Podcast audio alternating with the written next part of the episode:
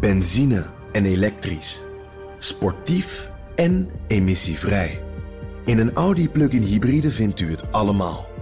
Ervaar de A6, Q5, Q7 en Q8 standaard met quattro vierwielaandrijving. Wat u ook zoekt, u vindt het in een Audi. Audi.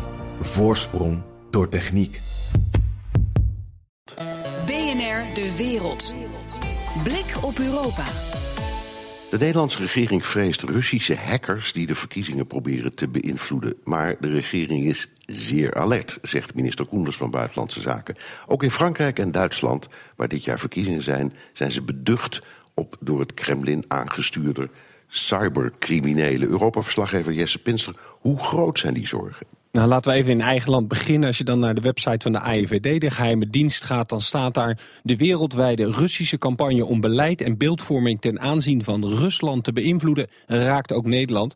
Dus daar zijn ze heel duidelijk over. Ze leveren dan weer niet het keiharde bewijs daarbij. Misschien is dat ook het geheime aan de geheime dienst. En je zei het al, Koenders die dus vandaag eh, zegt... nee, we zijn er zeer alert op.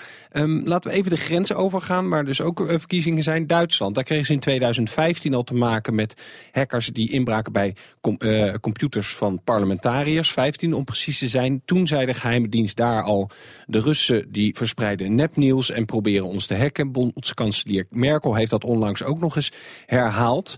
En in Frankrijk, waar uh, nou, na de Nederlandse verkiezingen uh, snel verkiezingen aan zitten te komen, daar lijken de zorgen nog het minst. Dat baart dan weer de kandidaat van de Groenen heel veel zorgen. Die zegt het wordt onderschat en de politieke elite in Frankrijk is heel erg naïef. Nou is het natuurlijk ook het geval dat de politieke elite, of nou ja, Le Pen is geen, uh, geen elite, maar dat die, daar zitten wel wat pro-Russische uh, kandidaten tussen. Dus dat zou dat misschien kunnen verklaren. Is de vrees dat die Russische campagne verkiezingen kan beïnvloeden nou terecht? Ja, dat was ook de vraag die ik had. Uh, dus ik uh, ben even gaan bellen met Loek Vazen. Hij is cybersecurity expert bij het Haag Centrum voor Strategische Studies.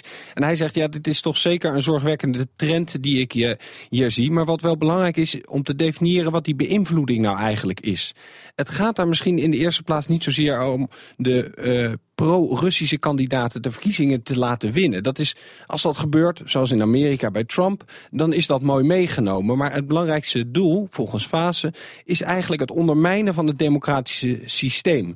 Doordat wij de hele tijd horen en, en bewijzen, of in ieder geval van de geheime dienst horen dat dit gebeurt, uh, verliezen wij vertrouwen in ieder geval in het ICT-systeem, waar steeds meer, uh, we steeds meer mee te maken hebben. En daarmee ook eigenlijk het vertrouwen in de overheid. En dat lijkt toch meer de Russische strategie. Wat ze natuurlijk eigenlijk ook in Oekraïne een beetje gedaan hebben. Van, weet je, ze hoeven Oekraïne niet over te nemen, maar ze willen destabiliseren. En misschien ja. willen ze dat ook hier.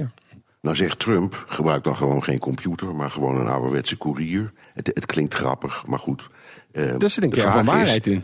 Ja, maar de vraag is dus hoe voorkom je buitenlandse inmenging? Ja, nou, de fase zegt eigenlijk, het is cyberhygiëne, zoals hij dat noemt. Kijk, het gaat hier niet om hele geavanceerde high-tech hacks. Eigenlijk, als we kijken naar Amerika, weet je, waar de democraten uh, gehackt zijn. Daar, Wikileaks heeft dat allemaal openbaar gemaakt. Maar dat ging feitelijk om allemaal e-mails van één medewerker van Hillary Clinton. Ja, John Podesta. Ja, precies. dus ja. weet je, de truc is om uh, het, nou, het uitlek van e-mails en documenten, dat doen ze door nee, in een e-mailaccount te komen. En dat is niet heel high-tech. Dat bewijst ook vandaag uh, RTL Nieuws trouwens weer.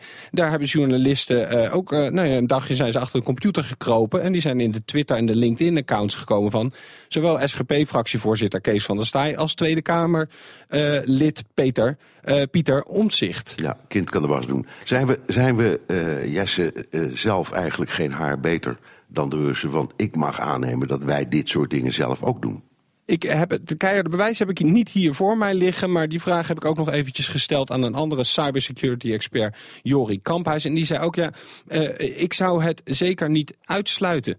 Ik bedoel, het wordt inderdaad nu alleen met de beschuldigende vinger naar Moskou gewezen, maar zodra er grote belangen op het spel staan, wordt het interessant om verkiezingen te beïnvloeden. Dat kan via hacken, is het misschien in het verleden ook met geld, met militaire macht uh, gebeurd.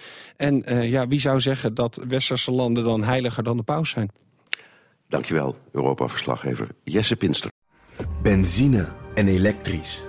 Sportief en emissievrij. In een Audi plug-in hybride vindt u het allemaal. Ervaar de A6, Q5, Q7 en Q8 Standaard met quattro vierwielaandrijving. Wat u ook zoekt, u vindt het in een Audi. Audi. Voorsprong door techniek.